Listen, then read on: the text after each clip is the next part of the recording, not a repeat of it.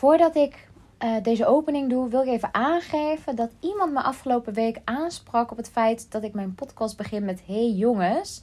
Terwijl ik me dus op vrouwelijke ondernemers richt. Nou, nu ben ik dus bewust aan het nadenken gegaan hoe ik mijn podcast dan ga beginnen. En nou, aangezien dit kanaal dus helemaal lekker voor mij is, ga ik gewoon wat dingen uitproberen. En het gaat variëren, denk ik, komende weken. Dus uh, voor nu maak ik ervan: hi, beste getalenteerde vrouwelijke ondernemers. Maar misschien gaat dit nog veranderen. Dus wie zal het zeggen? In ieder geval, welkom aan iedereen die deze aflevering luistert. Of je nu ondernemer bent of niet, of je nou vrouw bent of niet. Wees en voel je welkom.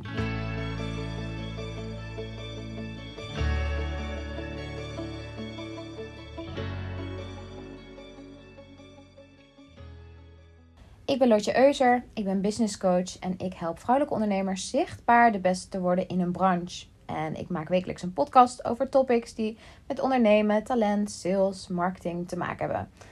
En vandaag ga ik het hebben over het imposter syndroom. Ofwel het oplichterssyndroom in het Nederlands. Maar ja, Engels klinkt toch vaak even wat lekkerder, hè?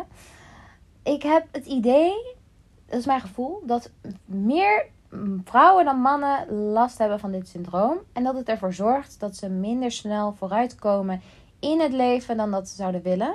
Dus tijd om eens wat aandacht te besteden aan dit onderwerp in deze aflevering. Zeker als jij boven de massa wil uitstijgen en ook als je zichtbaar de beste wil worden of hogerop wil klimmen in je carrière, dan is het imposter syndroom niet echt iets wat je kunt gebruiken in je carrière. Nou, ik ben herstellend oplichter. of nou, ik bedoel, vroeger heb ik ook vaak uh, het gevoel gehad dat veroorzaakt wordt door het syndroom. En af en toe steekt het nog wel eens de kop op als ik iets nieuws probeer.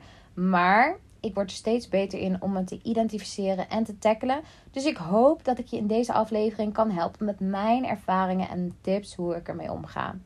Alright, nou, wat is het imposter syndroom precies? Ik heb het mijn beste vriend Google gevraagd en hij zegt dit.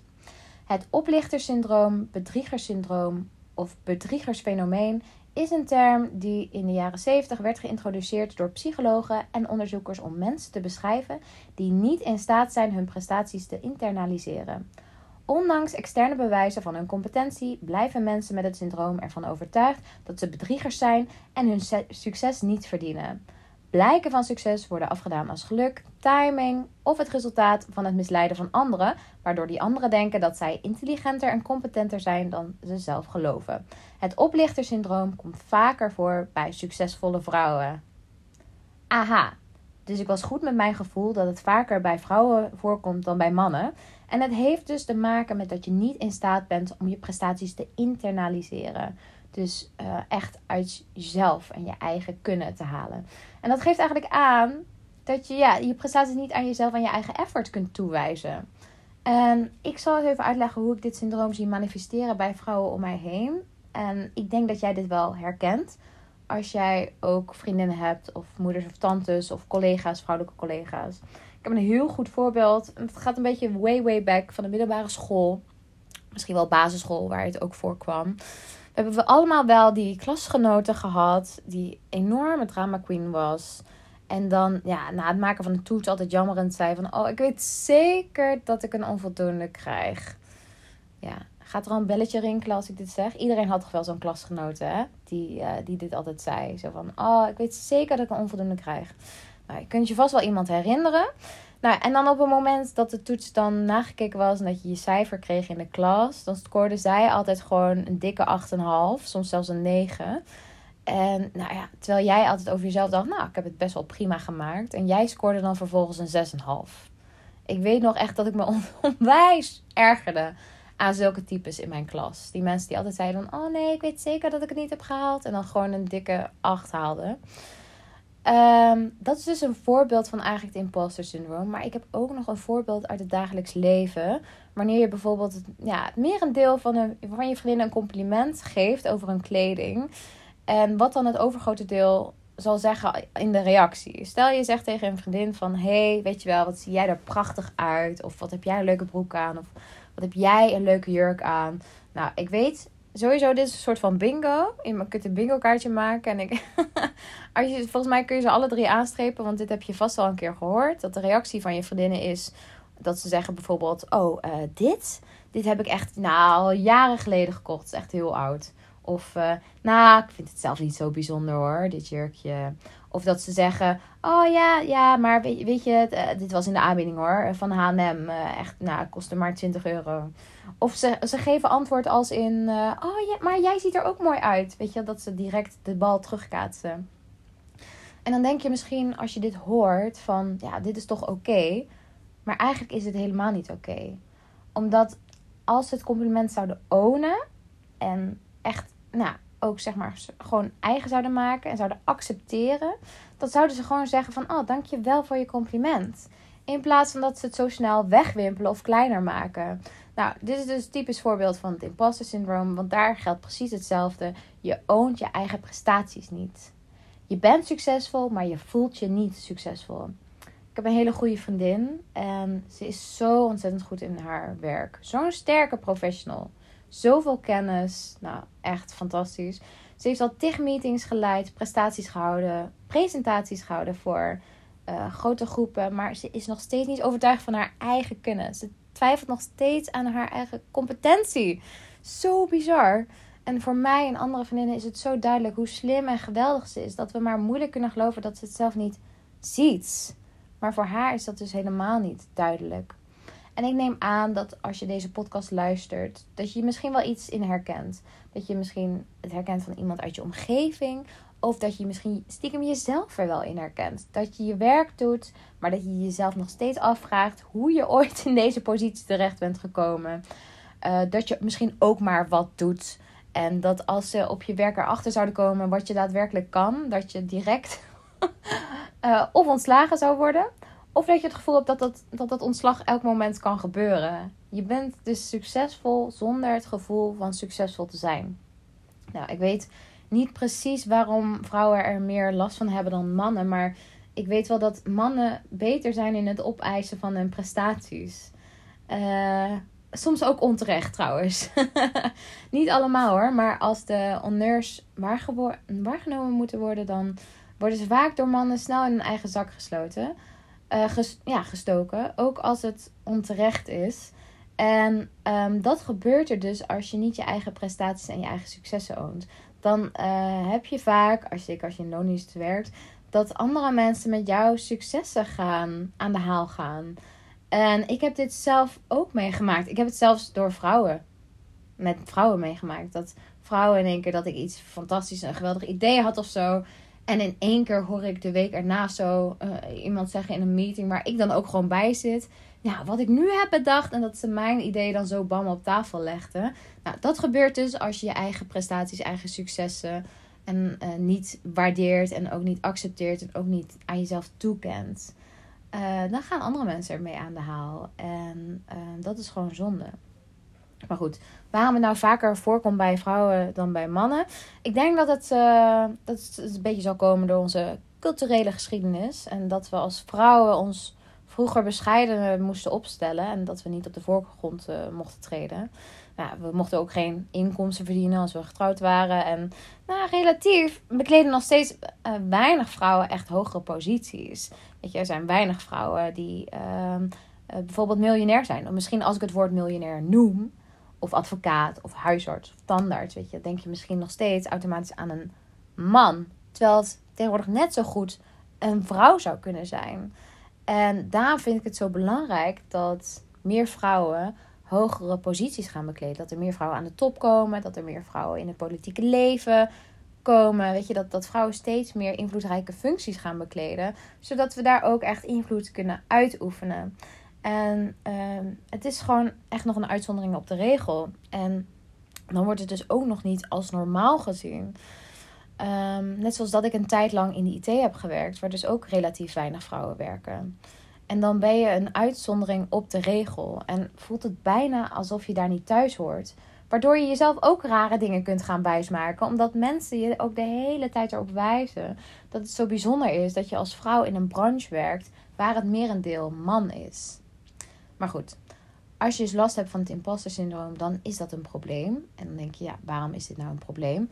Nou, het is een probleem omdat je jezelf tekort doet als je je eigen prestaties niet kunt ownen. En die waardering en erkenning voor je prestaties niet aan jezelf kunt geven. Want als jij het al niet kunt erkennen, ja, wat verwacht je dan van de mensen om je heen? We kunnen zo gevoelig zijn voor die waardering en erkenning van buitenaf, van anderen om ons heen.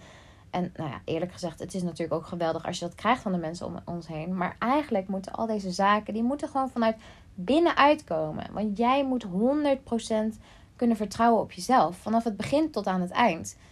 Je moet je eigen grootste cheerleader zijn. Die goed voor jezelf zorgt. Voor jezelf opkomt. Je grenzen aangeeft.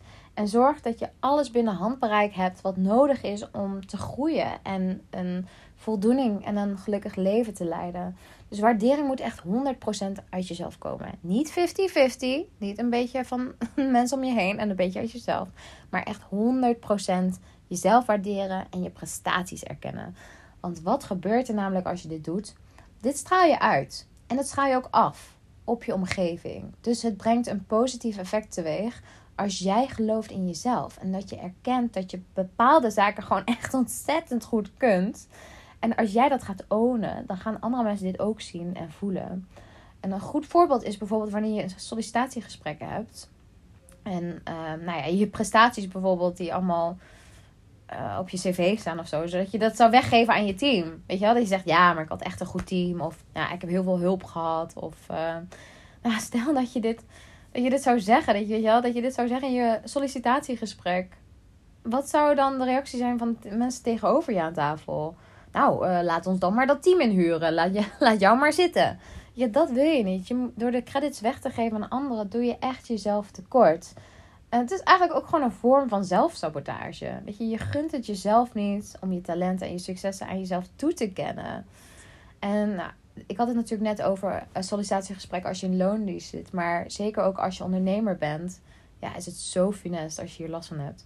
Het is namelijk van zo'n groot belang om je eigen successen te ownen en niet kleiner te maken, maar er juist meer de focus op te leggen. Ik had van de week een gesprek met een, uh, met een schrijfster, deed een coaching sessie. En um, nou, ze vertelde van, oké, weet je, ik heb een boek geschreven. En uh, nou, ik weet je, ik, ik krijg van heel veel mensen uh, weet je wel, veel complimenten over gedichten. Ja, weet je, niet, niet alle gedichten hoor. Ze vinden niet alle gedichten mooi, maar een paar gedichten, ja, die vinden ze wel heel erg mooi. En denk van, oh, weet je, nu ben je jezelf ook alweer kleiner aan het maken. Want uh, waarom, waarom moet je nou ook weer benoemen dat ze niet alle gedichten mooi vinden? Want natuurlijk, dat is logisch, weet je. Je vindt nooit alles mooi in een boek. Maar leg nou eens meer focus op wat ze wel mooi vinden. En weet je, welke complimenten je wel hebt gehad. En waar, welke gedichten mensen heel erg ontroerden. En own dat helemaal. En voel dat helemaal. Wees daar trots op, weet je Geef daar erkenning aan. Want veel, ja, weet je, mensen kopen natuurlijk van mensen. En als je als ondernemer je toekomstige klanten zonder schaamte kunt uitleggen waarom ze bij jou moeten zijn, dan heb je de manier in handen om je business te laten groeien. En dat gaat gewoon niet als, als jij tegen hun zegt van ja, ik heb ook maar geluk gehad dat ik eh, nu duizenden euro's heb omgezet. En laten we eerlijk zijn, het draait echt allemaal niet om geluk of toeval. Het is geen geluk of toeval dat jij diploma's hebt gehaald. Het is geen geluk of toeval dat je nu in een leidinggevende functie zit. Het is geen geluk of toeval dat je een loonsverhoging hebt gekregen afgelopen jaar van 500 euro. Ik geloof helemaal niet in toeval. Ik geloof juist dat als je de juiste dingen naar jezelf toetrekt en dedicated uh, acties uitzet en ergens aan werkt met de juiste energie, dat je het dan gewoon allemaal naar jezelf toetrekt en dat je het allemaal zelf hebt verdiend. Geldt ook in je eigen carrière. Als jij geen erkenning geeft aan je prestaties, dan ja, gaan anderen er gewoon met jouw succes vandoor. En dat gebeurt helaas vaker dan, uh, dan zou moeten. Dus misschien denk je nu tijdens het luisteren: oké, yes, ik ben schuldig hieraan. ik doe dit ook. Ik kan ook geen complimenten ownen. Ik geef ook veel te snel credits aan andere mensen weg. Oké, dat is heel goed. Want erkenning is de eerste stap. Acceptatie, erkenning. Je bent goed bezig. Maar wat kun je eraan doen om hiervan af te komen? Nou, om van je oplichtersgedachten af te komen, helpt het enorm om eens objectief, dus als feiten, neer te zetten wat voor succes je allemaal hebt geboekt in je leven. Dat je je middelbare schooldiploma hebt gehaald. Nou, misschien heb je nog wat diploma's daarna gehaald. Prijzen die je hebt gewonnen. verkopen die je hebt binnengehaald, deals die je hebt gesloten. Gewoon objectief, weet je wel, bam, bam, bam, bam. Als feiten onder elkaar zetten.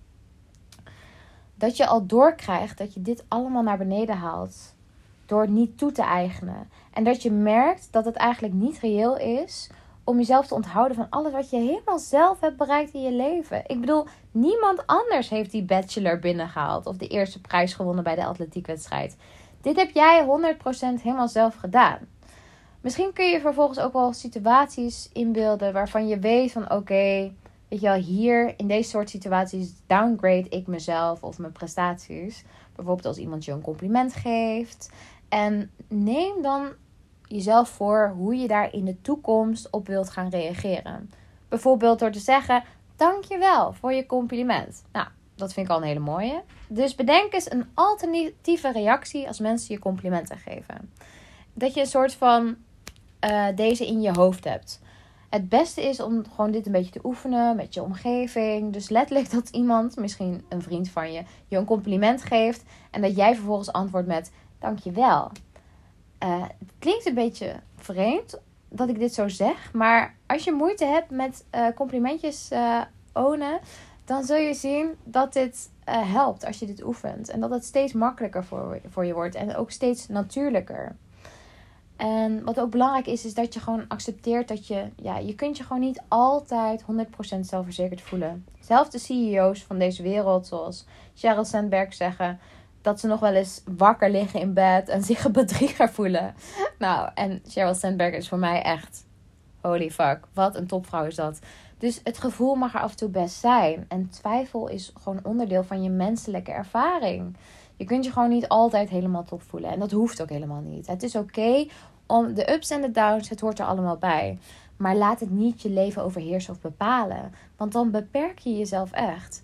En ik denk ook dat het helpt om je successen echt te ownen. Als we vaker stil gaan staan bij onze successen. En dat we onze successen meer gaan vieren. Ze zeggen het ook wel, hè? Het is belangrijk om successen te vieren. Nou, hier heb je een reden. Dus trek wat vaker die fles met bubbels open. Bestel sushi met vrienden. Nou, zeker in deze tijd moet je gewoon je eigen hoogtepunten creëren. Dus gun jezelf een feestje. Erken je prestaties. Een geweldig bijeffect is trouwens ook dat je je eigen frequentie enorm verhoogt. En je dus ook automatisch beter voelt als je dit doet. Nou, mocht je nou na deze podcast denken van oké, oké, ik ben super schuldig hieraan. Ik heb ook het bedriegersyndroom, maar ik kom er zelf niet uit. Ik heb hier hulp bij nodig. Om ook mijn prestaties meer te gaan ownen. Om ook meer successen te boeken in mijn leven. Om mezelf meer op de kaart te zetten. Dan kun je ook gewoon een coach zoals mij inhuren. Ik help dus vrouwelijke ondernemers om zichtbaar de beste te worden. En om hun successen veel meer te ownen. Dus wil je meer informatie, dan kun je altijd via mijn website of Instagram even contact opnemen. En ik hoop bovenal ook dat je iets hebt aan deze uh, aflevering. En dat je vanaf nu meer je successen gaat toe-eigenen. Want ik vind oprecht dat je het verdient. Laat me ook even weten wat je van deze episode vond. Ik vind dit een heel belangrijk onderwerp. En ik geloof echt dat als vrouwen het meer gaan ownen, dat we dan ook zichtbaarder worden en onszelf meer op de kaart gaan zetten. Dus tijd om je successen de erkenning te geven die jij verdient. En ik spreek je volgende week weer bij een nieuwe episode. Hoi hoi!